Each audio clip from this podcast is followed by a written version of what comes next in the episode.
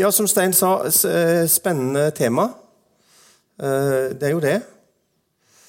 Eh, og jeg vet ikke helt altså Hovedtemaet denne måneden er jo 'Liv i frihet'. Og så har vi tatt litt sånn utgangspunkt i søndagenes tema. Og søndagen som var, som var storsamling, hadde sånn egentlig, på et sånt oppsett som vi har, tema 'Fri fra loven'. Eh, og eh, det som kommer, det er fri fra synden. Og så eh, får jeg se jeg, hvor langt jeg kommer, og hvor mye jeg får tatt. Hvor mye vi orker i kveld. Mm, vi starter iallfall. Liv i frihet. Og så har jeg to knallgode bibelvers til å starte med. Det er sånn skikkelig sånn inner eh, bibelvers i forhold til eh, oss som elsker å kalle oss for frie venner.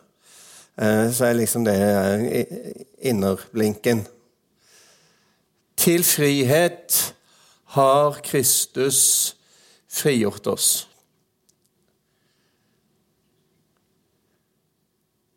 Og Jesu ord fra Johannes evangelium For da Sønnen frigjort dere, da blir dere virkelig fri. Frigjort til frihet og virkelig fri. Så jeg har også tenkt litt på det der frihetsbegrepet. Eh, og eh, så jeg tenkte at jeg, må nok egentlig da begynne med å, spørre dere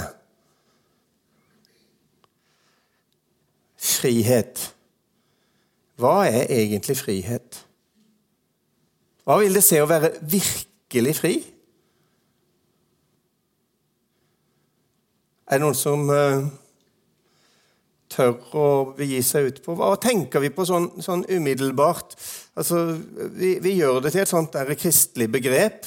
Uh, og, så, og, så, vet jeg ikke helt om vi, vi uh, sånn, klarer å tenke konsekvenser. Hva er det vi tenker på? Hva er det vi mener? Hva, hva, som, hva betyr det for oss, det at vi er fri?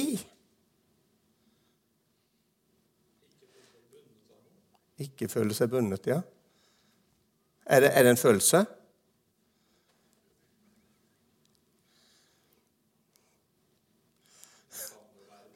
Ja. ja. Ikke fanget, ja. Ja. Altså, det, er jo, det er jo mange slags frihet. Vi, vi gleder oss jo over at vi, at vi, bor i et fritt land. Det vil jo si at eh, vi bor i et land som ikke er okkupert av noen annen makt, først og fremst. Eh, og så betyr det at vi har noen rettigheter. Men samtidig så er det jo sånn at de rettighetene vi har, de er jo lovregulert. Sånn at friheten vår er på en måte regulert innenfor visse rammer. Er vi da virkelig fri? Og hvilken konsekvens ville det fått hvis vi var virkelig fri i forhold til ethvert rammeverk? Jeg bare stiller noen sånne spørsmål for å, for å reflektere litt, litt, rundt hva det egentlig betyr. Og Så handler det jo selvfølgelig litt om denne her indre friheten. og Vi tenker vel ofte på det at vi, vi, vi kan være bundet på en måte inni oss Altså Tankene våre kan binde oss. Omstendighetene våre kan binde oss. Kroppen vår kan binde oss. Det er mange ulike ting som kan binde oss. Men jeg tror jo at når, når Bibelen og når Jesus snakker om å, om å bli virkelig fri, så, så, så, handler dette her om å, å, å kjenne den derre indre tryggheten som gjør at det er ikke noen ytre omstendigheter som på en måte styrer livet vårt, men, eh, men vi har opplevd en, en indre frihet. Til frihet har Kristus frigjort dere. Når Jesus snakker om å bli virkelig fri, eh, så setter han det opp imot eh, det å være syndens trell. Altså det å være bundet av synd. Og så sier han at eh, henvendt til fariseerne som trodde at de hadde alt sitt på det tørre. Uh, og, og, når Jesus på en måte går hardt på dem, liksom, så, så sier de at ja, men vi er Abrahams barn, vi har aldri vært noens streller, så du må ikke komme hit og fortelle oss at vi må bli fri. Men, men da er det jo at Jesus han sier det at den som gjør synd, han er syndens trell. Så den friheten Jesus snakker om, det er jo egentlig å bli fri fra, fri fra synden. Men, men la nå disse her to uh, utsagnene henge der som en slags sånn overskrift i kveld. Til frihet har Kristus frigjort dere.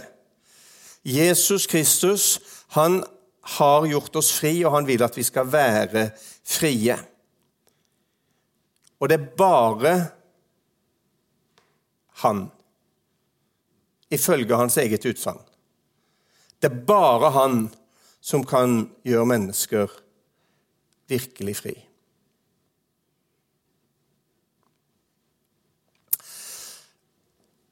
Så, så, snakker jeg litt nå i, i kveld inn i uh, Det er ikke så mye hjelp i å snakke til de som ikke er her, selv om det kanskje er noen som ikke er her, som kommer til å høre det.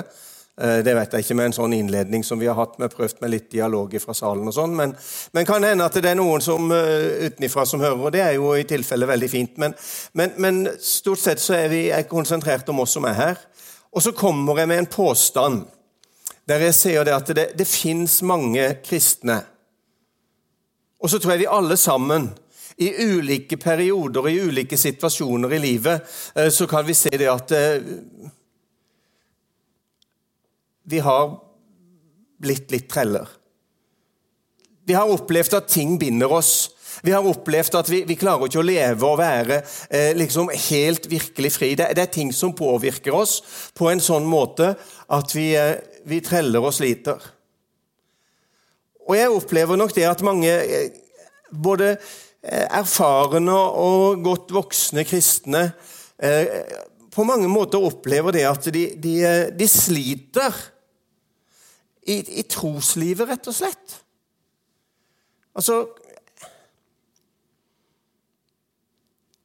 Er det virkelig godt nok, det Jesus har gjort for oss? Er det virkelig godt nok, det vi har tatt imot?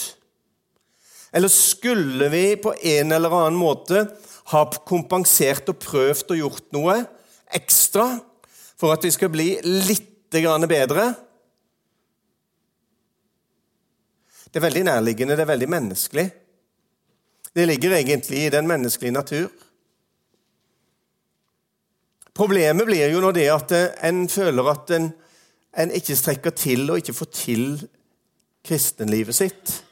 For vi vet så inderlig godt, vi har hørt det tusenvis av ganger, dette er ikke noe vi skal få til. Men allikevel så kommer liksom disse her tankene snikende inn, at vi skulle gjerne ha kanskje gjort litt mer, og vi skulle kanskje ha vært litt bedre, og vi skulle gjerne ha kanskje kompensert et eller annet. For at Gud kanskje ble enda litt mer fornøyd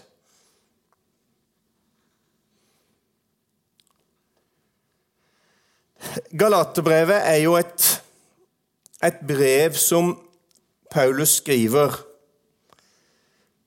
fordi at eh, det har kommet noen inn i den nye menigheten som eh, kommer fra Jerusalem, kommer fra Jakob, blir det sagt, altså fra pastoren i Jerusalem, eh, Jesu egen bror, Eh, som det kan se ut som om at kanskje han ikke var helt frigjort. Fordi at han sender ut noen som kommer med noen pålegg om at dere bør holde loven, og dere bør gjøre sånn, og dere bør gjøre sånn. Og så er Galaterbrevet egentlig et skrift der Paulus han tar opp denne kampen.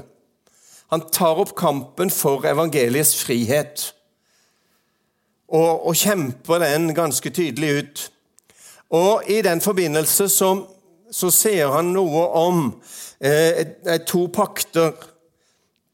Og så ser han det at den ene pakten, altså den gamle pakt, den som kom ved Moses, Hvis folk får den pålagt seg, så føder det barn til trelldom.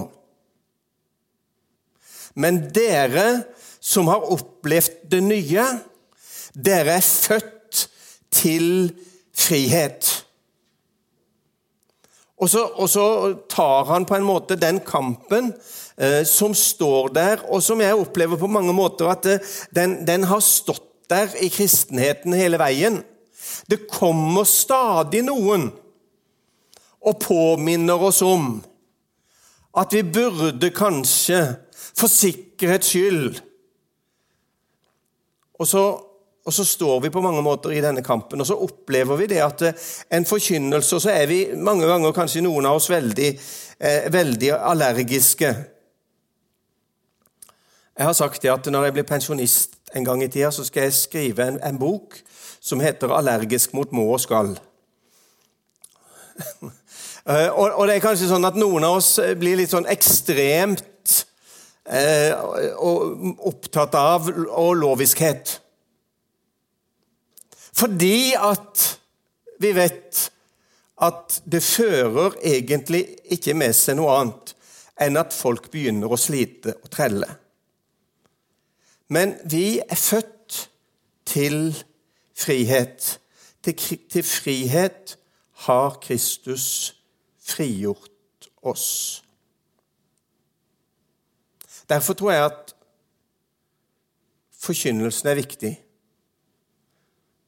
Paulus sier at troen kommer av forkynnelse. Og forkynnelsen, dere, om vi syns det er aldri så kjedelig, og aldri så tørt og aldri så dårlig, eller aldri så bra og aldri så salva og aldri så velsigna Uansett, forkynnelsen skaper noe. Forkynnelsen gjør noe med oss. All påvirkning gjør noe med oss. Forkynnelse gjør noe med oss. Derfor skal vi være på vakt for hva slags forkynnelse vi utsetter oss for. Fordi at vi blir prega av den forkynnelsen som vi blir utsatt for. Og det fins altså en forkynnelse, eh, sier Paulus, som føder barn til trelldom. Som gjør at folk sliter og sliter og sliter. Og så fins det en forkynnelse eh, som føder barn til frihet.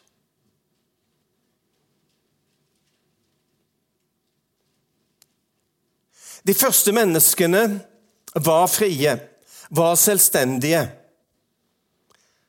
Levde i samfunn, i harmoni med Skaperen. Det var ingen avstand, det var ingen distanse. Eh, det var ingenting som skilte det første mennesket og Gud. Inntil synden kom. Og så er på en måte synden det store problemet. Og det snakker vi eh, kanskje ikke om, og det er vanskelig kanskje å snakke om, men, men det store problemet for menneskeheten totalt sett, det er jo synden. Som kom inn og skapte skilsmisse mellom menneske og Gud. Og i et øyeblikk så blir menneskene som var frie og selvstendige, for de var både frie og selvstendige, men plutselig så blir de bonde. De blir bundet av frykt. Frykt for Gud. Tenk om Gud ser oss nå. For de visste at de hadde trådt over en grense, og så kommer synden inn i verden. Og Så lærer jo Bibelen oss, og jeg har sitert her, eller skrevet opp eh, Romerbrevet kapittel 5. Siste delen av Romerbrevet kapittel 5 eh, omhandler den første og den siste Adam. Og Så forteller Paulus veldig tydelig og sier det at eh, pga. den første Adams fall så trengte synden igjennom til alle mennesker. Og så ble vi alle syndere fordi den ene falt.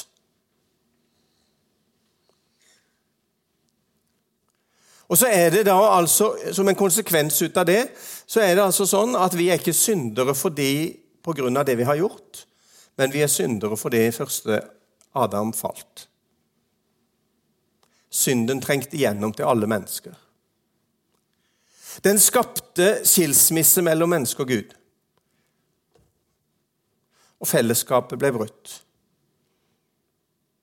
Så forteller Romerbrevet kapittel 5 veldig tydelig at alt det som skjedde, og som ble ødelagt med den første Adam, det ble gjenoppretta i overmål ved han som kalles for den siste Adam, Jesus Kristus. Og Det er nødvendig tror jeg, bare å ha det som et sånn lite utgangspunkt i starten. Dette her ble en situasjon som var uholdbar fordi at Gud elska mennesket. Og Gud ville ha fellesskap, og Gud ville leve sammen med oss. og Derfor så måtte han gjøre noe med den situasjonen. Og Så kunne det vært sagt mye om det. Men hvis vi nå skal nærme oss litt dette med å snakke om loven, så leser vi jo at 430 år før Moses fikk loven på Sinai, så inngår Gud en pakt med Abraham. Altså, Det er noe som skjer lenge før loven. Og Det er det som kalles for Abraham-pakten. Den pakten som Gud inngår med Abraham eh, og forteller Abraham og gir han et løfte. Og så ser han Abraham, i din slekt og ut ifra det så skal alle jordens slekter velsignes. Altså lenge før loven så kommer Gud til Abraham og så forteller han det at Gud vil fellesskap med mennesker i hele verden. Gud vil fellesskap med alle mennesker. Ikke bare ett folk, ikke bare noen få, ikke bare noen utvalgte. Men ut ifra din ett, Abraham, så skal alle jordens slekter velsignes. Og så er det ikke så veldig lenge siden at vi hadde som tema her og jeg hadde som tema, tror jeg, i en, eh, en søndagskveld Abraham trodde Gud, og det ble regna han til rettferdighet. Altså, Abrahams løfte er knytta opp imot rettferdiggjørelse av tro. Og Nå er vi altså lenge før loven kommer inn så har Gud gitt et løfte og vist en vei for Abraham om at det er den rettferdige som lever ved tro. Det er troen som er grunnlaget for rettferdighet, og ikke loven. Og Det er jo den kampen som Paulus står i hele veien, og som trenger seg på og sniker seg inn overalt. Der det er så nærliggende å tro at loven ligger som et grunnlag. Gud inngikk en pakt med Abraham. Men så går disse 400 åra, og så inngår Gud en ny pakt, som vi kaller den gamle pakt, med Moses på fjellet.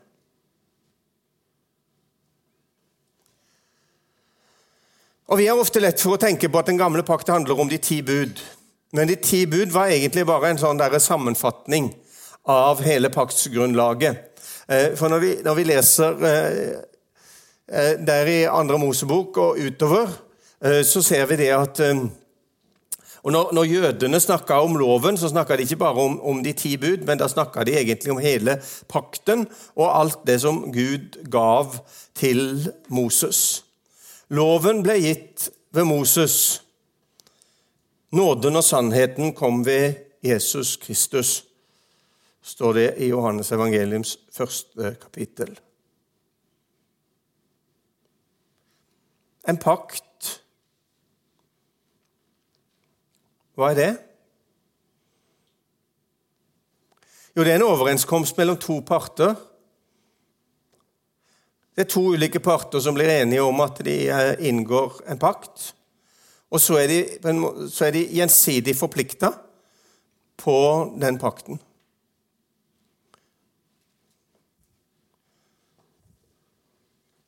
Denne pakten var grunnlagt på loven, og den sa at den som gjør etter loven, skal leve ved loven. Gjør og lev. Og så er det knytta mange betingelser til, som sier at dersom dere gjør sånn og sånn, dersom dere stoler på Gud, dersom dere holder de forskjellige lovbuda, dersom dere gjør sånn, dersom dere gjør sånn, dersom dere gjør sånn, så skal Gud velsigne dere, styrke dere, hjelpe dere og være med dere. Men hvis dere ikke gjør sånn som loven sier, så skal Gud dømme dere og fordømme dere og straffe dere fordi dere enten er ulydige eller ikke klarer å oppfylle lovens krav. Så loven er bygd på betingelser. Og så er jo Det nye testamentet veldig tydelig på at det er umulig. Fordi at Paulus sier har du brutt ett bud, så har du brutt hele pakka. Og så er det jo bare sånn at alle må erkjenne at eh, her kommer vi til kort. Loven kommer til kort. Og da er vel kanskje betimelig å stille spørsmålet Hvorfor kom da loven? Hvorfor kom loven?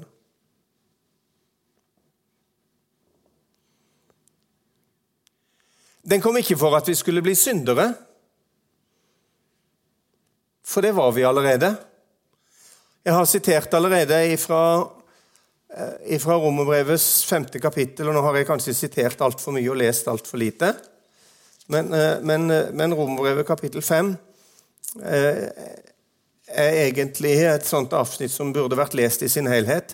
Men i vers 12 så står det synden kom inn i verden på grunn av ett menneske, og med synden kom døden, og slik rammet døden alle mennesker, fordi alle syndet.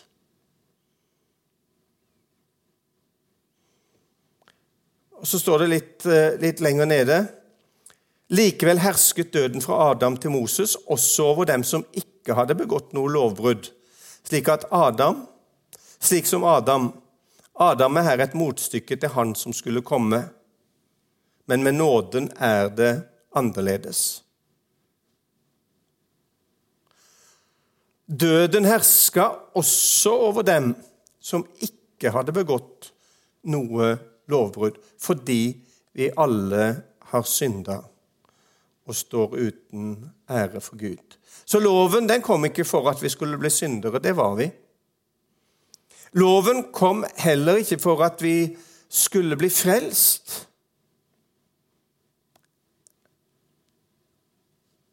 For det er umulig å bli rettferdig ved loven.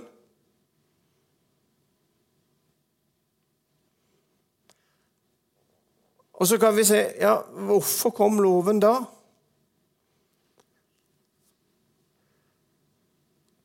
Jo, loven kom, sier Paulus i Galaterbrevets tredje kapittel, for å vise synderen at han var skyldig, for å gjøre synden levende for at mennesket skulle se at hele verden var skyldig for Gud, for å vekke synden til live. Eller eh, som det står i Romerne 5,20, for at synden, for at fallet skulle bli stor. Loven kom til for at fallet skulle bli stort. Men der synden ble stor, ble nåden enda større. Så lovens hensikt var egentlig at mennesket skulle forstå at de var syndere. Og Dette skjønner alle vi som har hatt unger som vi skal prøve å oppdra. Ikke sant? For i det øyeblikk at du påpeker at noe ikke er lov, så kan du være ganske sikker på at det tester de. Men så lenge de ikke vet at det er lov, at ikke det er lov, så er det kanskje ikke så interessant å teste det. For da er det på en måte ikke en aktuell problematikk. Men i det øyeblikket at loven blir stilt opp og sagt at hei, her må du huske på at sånn er det, dette forholder vi oss til, så blir det jo fryktelig spennende å prøve. Og så utfordres vi av loven. Og synden blir levende.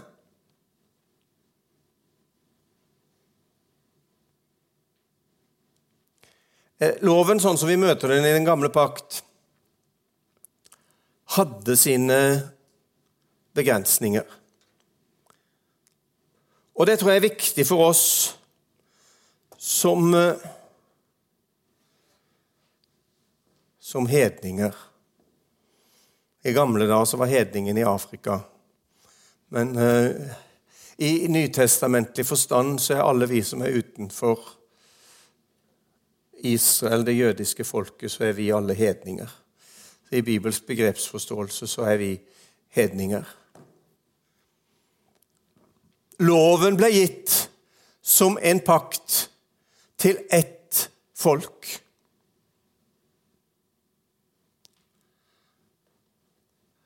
Sånn sett så har vi som hedninger aldri vært underlagt loven. Og Det er kanskje ikke så lett for oss alltid å, å, å gripe fatt i og, og, skjønne og forstå. For vi har jo hele Det gamle testamentet, og vi har jo hele lovreglementet, og vi har jo alt sammen. Ikke sant?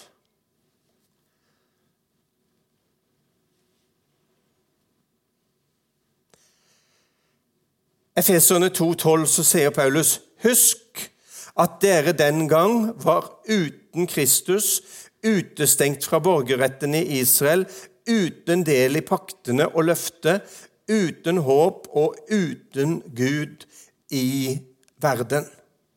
Altså Han snakker til hedningen, og så sier han, husk på det at dere er egentlig utenfor.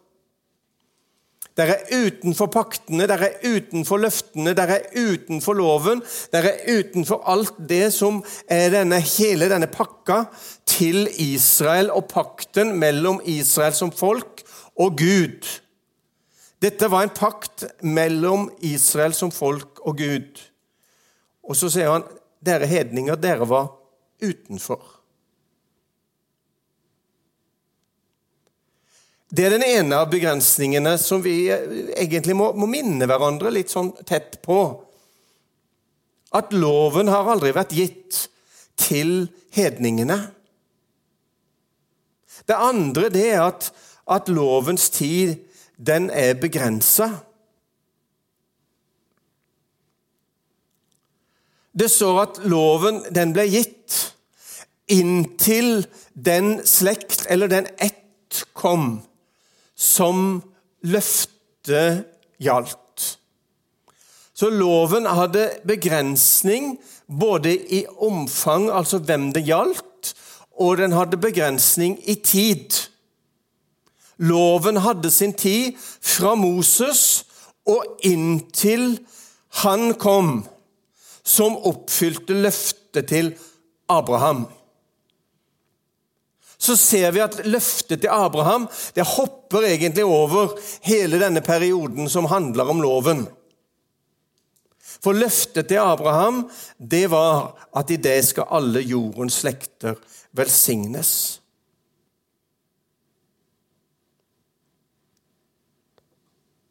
Og Abraham trodde Gud, og det ble regnet han til rettferdighet.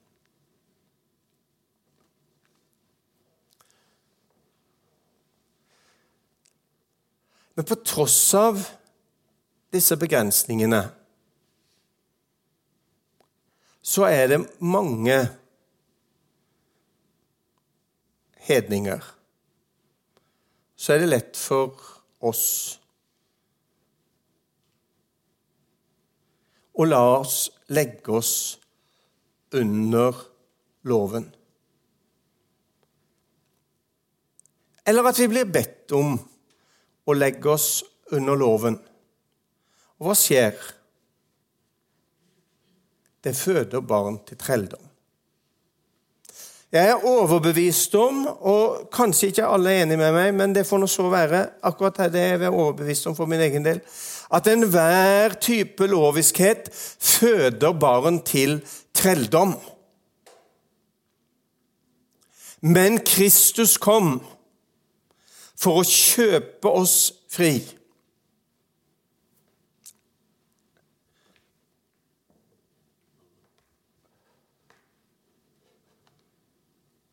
Eller for å si det på en annen måte Kristus kom for å oppfylle loven. Men for vi sier mange ganger, noen sier ja, men når du forkynner sånn som du gjør nå, eh, vil det, da si det at, eh, at, loven den eh, At den er oppheva? Neimen, Jesus han sier det at han kom ikke for å oppheve, men han kom for å oppfylle. Er det mulig? Er det mulig å oppfylle lovens krav?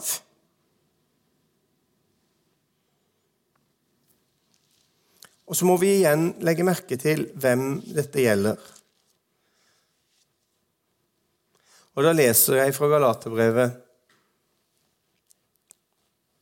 kapittel 4, vers 4, et vers som eh, er veldig kjent, om vi kanskje leser Noen av oss iallfall hender leser når det er jul. Men i tidens fylde sendte Gud sin sønn, født av en kvinne, født under loven og så Legg merke til hva det står videre nå. Så står det Han skulle kjøpe fri. Hvem skulle han kjøpe fri? Han skulle kjøpe fri dem som sto under loven. Hvorfor skulle han det? Så vi kunne få rett til å være Guds barn. Altså, Her ser du at han skiller mellom de og vi. Og så ser han det at Kristus kjøpte dem fri som var under loven. Men en konsekvens av Kristi frikjøpelse det var at både de som var under loven, og vi som ikke var under loven, vi skulle få rett til å bli Guds barn. For alle dem som tok imot Han, dem ga Han rett til å bli Guds barn, det som tror på Hans navn. Så veien til frihet er den samme både for det som var under loven, og for det som ikke var under loven. Altså veien til frihet er den samme både for jøder og for hedninger. Det er ingen forskjell på jøde og på hedning på mann eller kvinne, på trell eller fri. Vi blir alle ett i Kristus Jesus. Kristus kom for å kjøpe dem fri. Og Så står det i Romerbrevet kapittel 8 og vers 4 kan godt lese fra litt før, fra vers 3. Det som var umulig for loven, siden den sto maktesløs på grunn av at vi er kjøtt og blod, det gjorde Gud. Han sendte sin egen sønn som syndoffer i sammensatt kjøtt og blod som syndige mennesker har, og holdt dom over synden i oss. Slik ble lovens krav oppfylt i oss som ikke lever etter kjødet, men slik Ånden vil.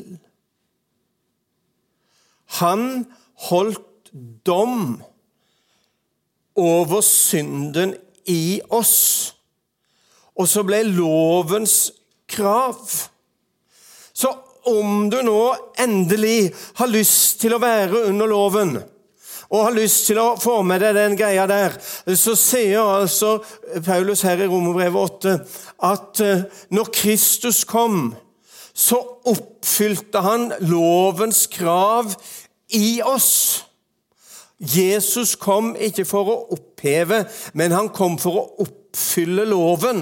Og når Jesus kommer og lever det liv som han lever, og fullfører den gjerning som han fullfører, så fullfører han den på en sånn måte at lovens krav blir oppfylt.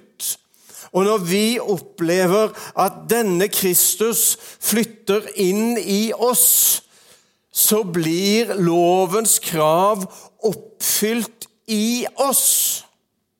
Og så er lovens krav altså oppfylt i oss, og det som var umulig for loven, nemlig å gjøre mennesket fri, det gjorde Gud. Det som var umulig for loven, det gjorde Gud idet han sendte sin sønn til soneoffer for våre synder. Og på samme måte som eh, vi alle ble syndere ved den første Adam, så ser Romerbrevet 5 at vi blir alle rettferdige ved den siste Adam. Så er det det var ingen fordømmelse for den som er i Kristus Jesus. For livets åndslov har i Kristus Jesus gjort oss fri fra syndens og dødens lov.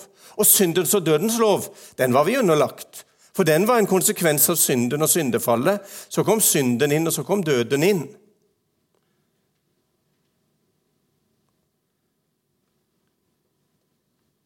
Men Kristus gjorde oss fri. Fri fra fordømmelse. Jeg tror jeg slutter der nå. Kanskje litt uh, krevende, men uh, hvis det er noen spørsmål, så bare kom med det etterpå.